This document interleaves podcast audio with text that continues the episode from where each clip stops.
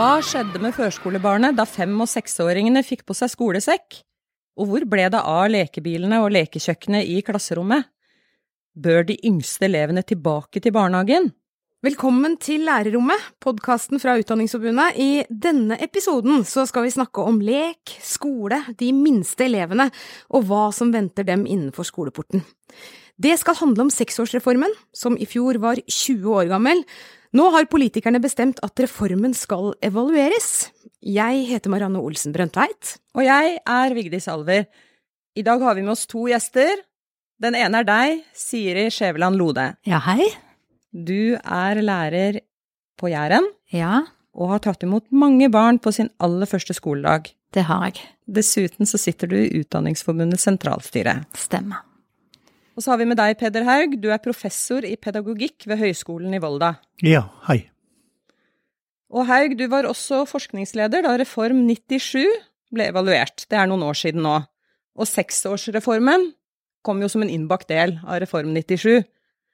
Men hva skjedde egentlig med den myke starten de yngste elevene ble lovet da fem- og seksåringene skulle begynne på skolen?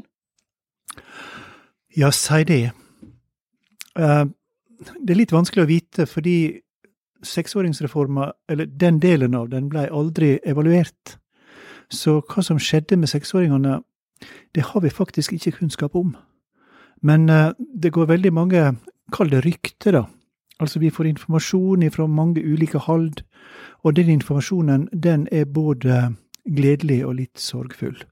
Hva, fortell, hva er det Nei, Det gledelige det handler om at uh, det er mange seksåringer som har det veldig fint på skolen, og som fremdeles har lekebilene og uh, kaster med utkledningsklær og alt dette i første klasse. Men så er det også førsteklassinger som møter en skole som en i forbindelse med seksåringsreforma omtalte som skulsk. Og skulsk skole for seksåringer, det var ikke bra. Det handla om seksåringer som ble behandla som voksne elever, som skulle sitte stille på pulten og ta imot lærdom fra dag én, og de skulle helst ha lært å lese til jul. Du sa at vi vet egentlig lite. Betyr det at det er lite forskning på hva som skjedde? Svært lite. Nesten ingenting. Så vi veit egentlig ikke hvordan Nei. de det har det i klasserommet? Nei. Nei. Det er erfaringer. Ja. Men er det bare læreplanene, eller er det hvordan lærerne tolker læreplanene som har noe å si for hvordan eh, elevene har det? Læreplanen har nok uh, ei betydning, men uh, det som skjedde etter at reforma starta, viser veldig klart at lærerne si forståing av selve situasjonen blei veldig viktig. For eh, i 2003 kom PIRLS-resultatene, altså resultatene ifra tester av eh, norske elever si lesedugleik, og de viste katastrofale ting. I alle fall sett i et politisk perspektiv. Vi blei definert som middelmådige. Og det førte til at Kristin Clemet, som da var eh, kunnskapsminister, hun mente at leseopplæringa burde flyttes fra andre til første klasse. Og det blei vedtatt i samband med Kunnskapsløftet, men det blei allerede realisert fra 2003 av mange plasser. Så allerede fra 2003 så skjedde det ei forandring, der leiken mange plasser forsvant ut. Siri Skjæveland Lode, du har jo stått i klasserommene til mange fem- og seksåringer siden de kom inn i skoleporten for første gang etter Reform 97. Hvordan merket du som lærer denne endringen som det blir snakket om her? Ja, som Peter Haug sa, så var det helt andre premisser når de begynte enn det vi har i dag. De første årene når seksåringene kom til min skole, så hadde vi ingen pulter i klasserommet, vi hadde butikkrok, vi hadde klosser, og eh, vi jobbet tverrfaglig med alle temaene våre. Det var tid til rom. I dag så er de leketøyene vekke, og vi har pulter. Så det var jo en endring at klasserommene ble helt annerledes. Men hva vi fylte dagene med ble jo òg veldig annerledes, for det var ikke tid til lek lenger. Vi fikk jo Kunnskapsløftet som kom med alle målene. Og rett nok så er det ingen mål før du kommer til andre klasse, men vi lagde jo lokale læreplaner på alle skolene, og i den prosessen der så var det mange skoler som lagde kunnskapsmål allerede etter første klasse, og vi ble kognitivt Innholdet i dagen ble mer knyttet opp til fag. på en helt ny måte. Vi har jo den fag- og timefordelingstabellen vår som sier hvor mye du skal bruke til hvert fag. Og der vi oppfyller med den, så er det ikke noen tid igjen til lek. Det står ikke lek på den delen der. Så innholdet og klasserommet har blitt veldig annerledes. Hvorfor er leken så viktig, Haug, som hun peker på her?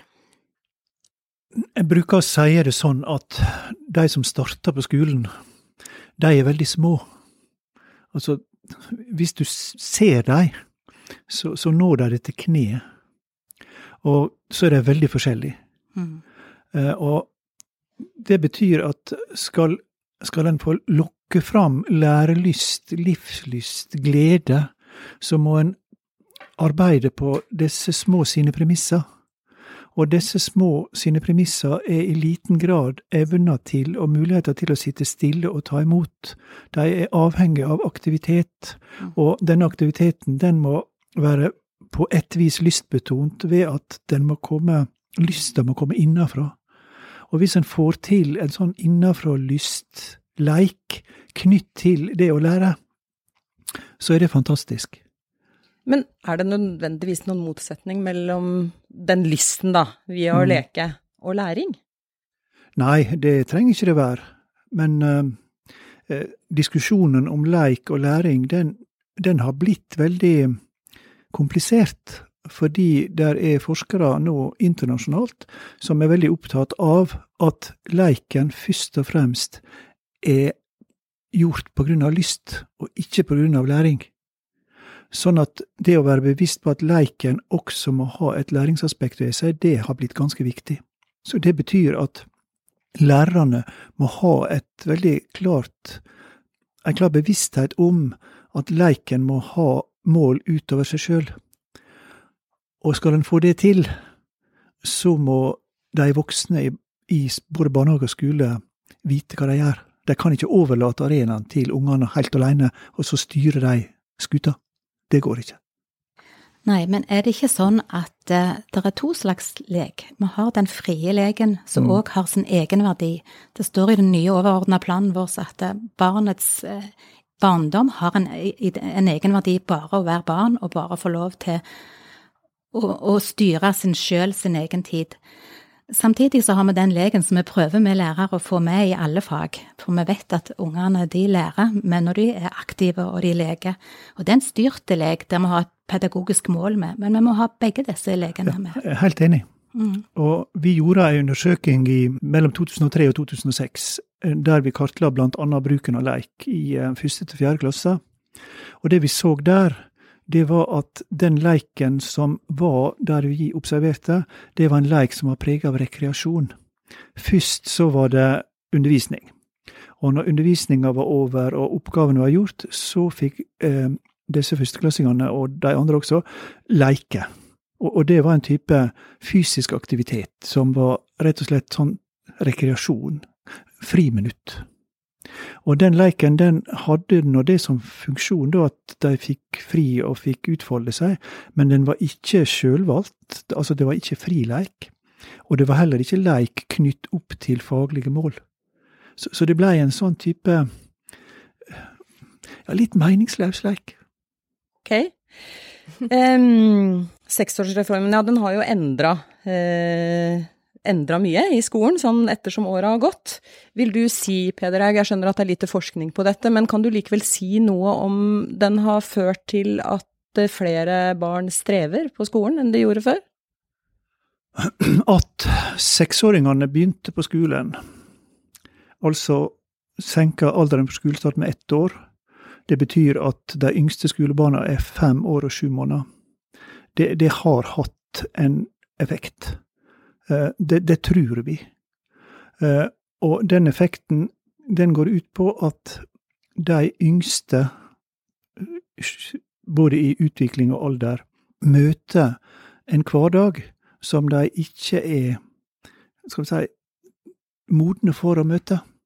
Og når du ikke, når du møter en hverdag som du ikke er moden for, da må du takle det. Og måten vi takler det på, er veldig ulik. Noen av oss takler det på å bli innovervendte og ikke reagere utad, og andre takler det på en motsatt måte, og så finnes det sikkert tusen andre måter å takle det på også. Men poenget er at en må finne en måte å løse de utfordringene på, og i mange høve så er den måten å møte utfordringer på som barna velger, ikke spesielt konstruktiv. Og da får vi dette problemet som har vært oppe i diskusjonen veldig mye.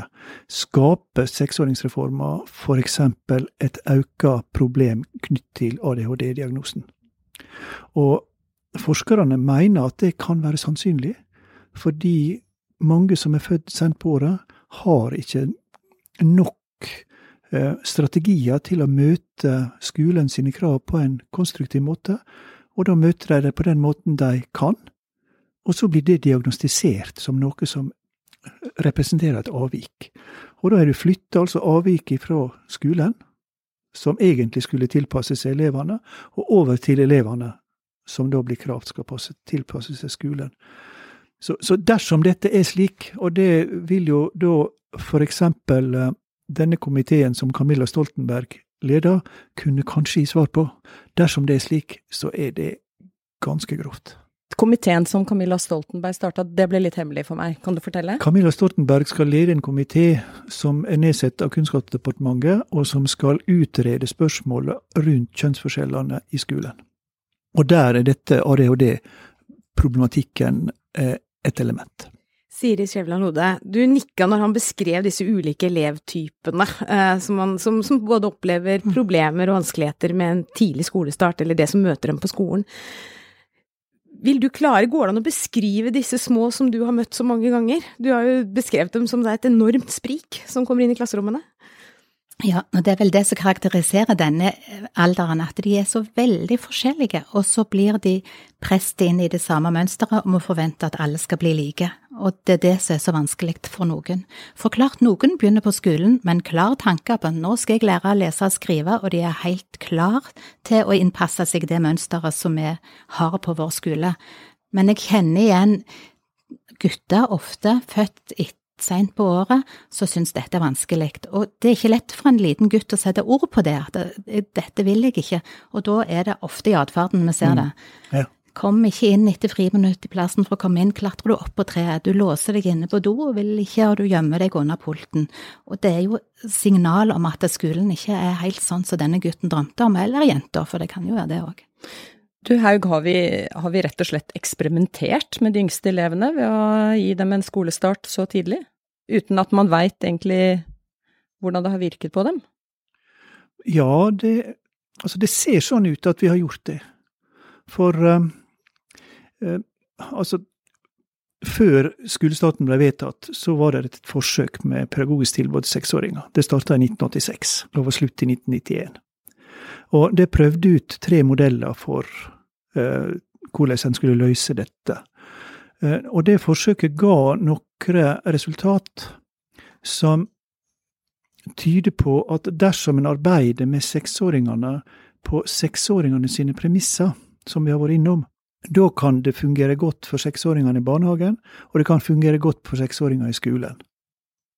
Men så viser det seg da at eh, når skolen arbeider med seksåringene i dag, så ser det ut til at de ikke arbeider med seksåringene på de premissene som en kunne ha gjort.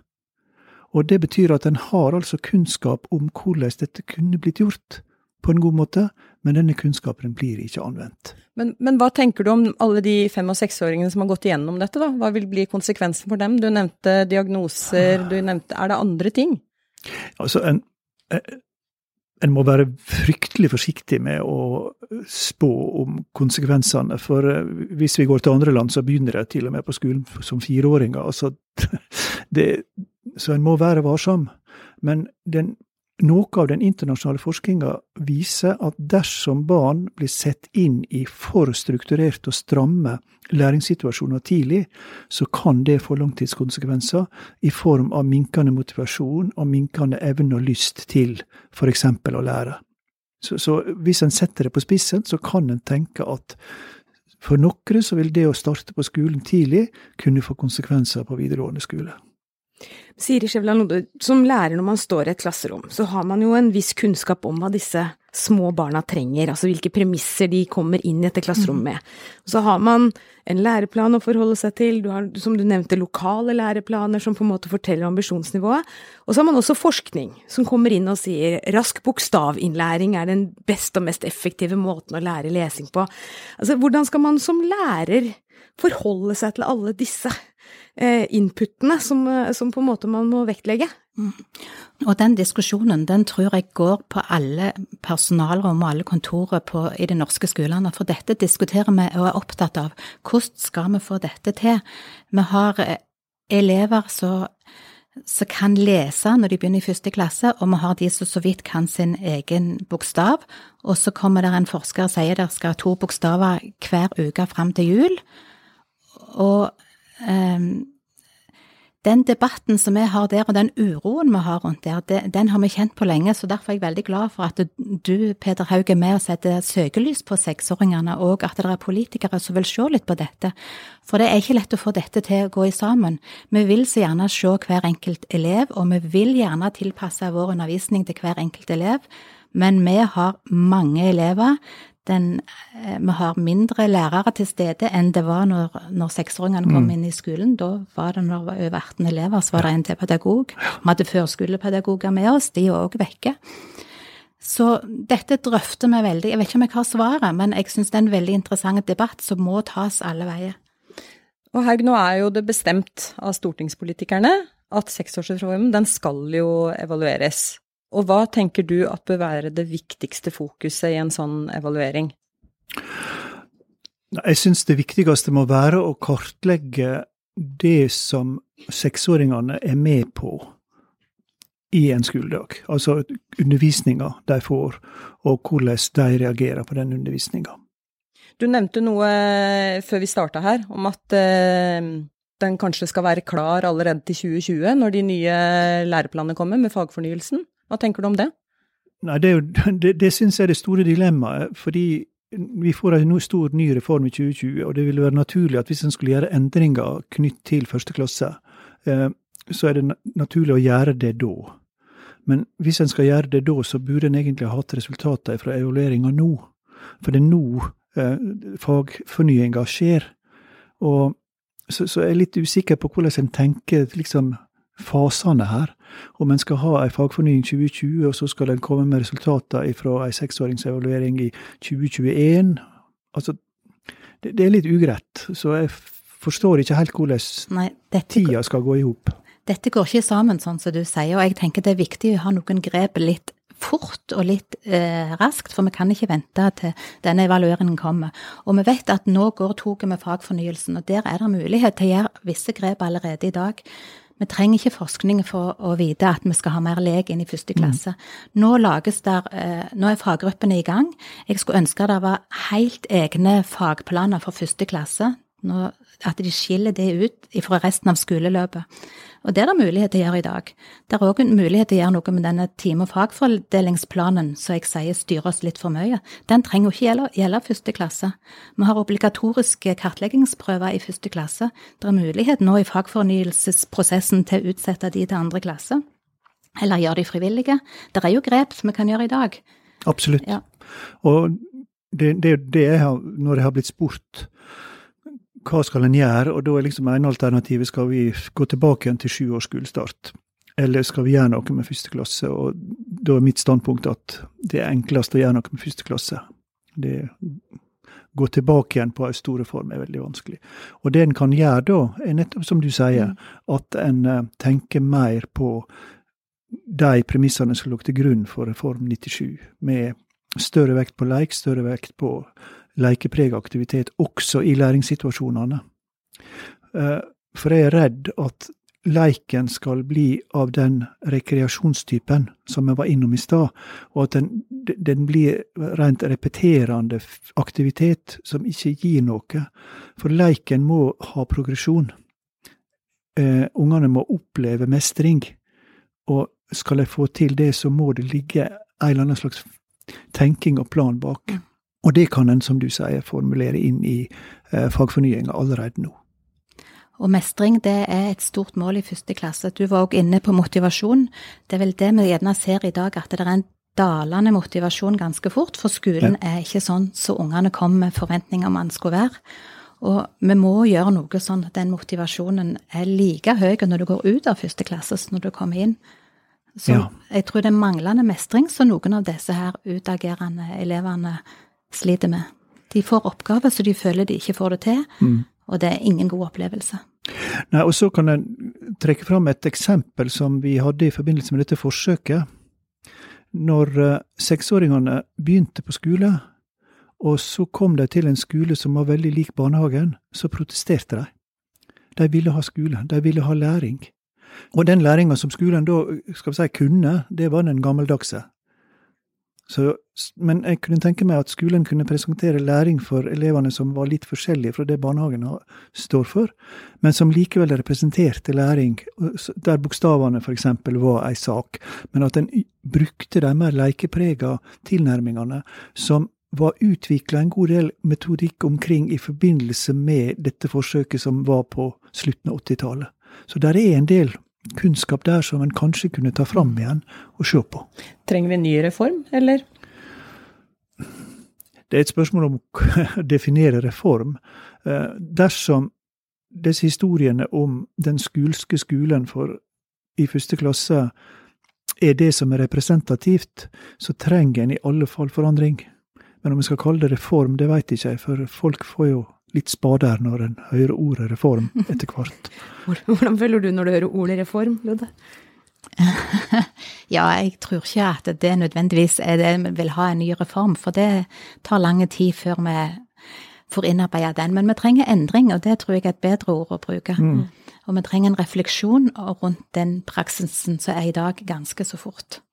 Hvis man snakker om dette lekende barnet, eh, mestring eh, eh, og har leken hatt formål, en progresjon, eh, kontra press, mestring av den som du ikke får til. Eh, hvordan passer f.eks. dette med lekser i det bildet? Hvordan vil du ja, skrive det? Jeg tenker at når du er seks år, så skal du ikke ha lekser. For det å komme hjem etter en lang skoledag og være trøtt og sliten, og da begynner med noe som du kanskje ikke mestrer, da får du et negativt forhold til skole og til lekser og i dag har vi veldig mange mål om alt det elevene skal lære, så det er veldig fort å gi veldig mange lekser. Så det tror jeg kanskje vi gjør litt for mye av i første klasse.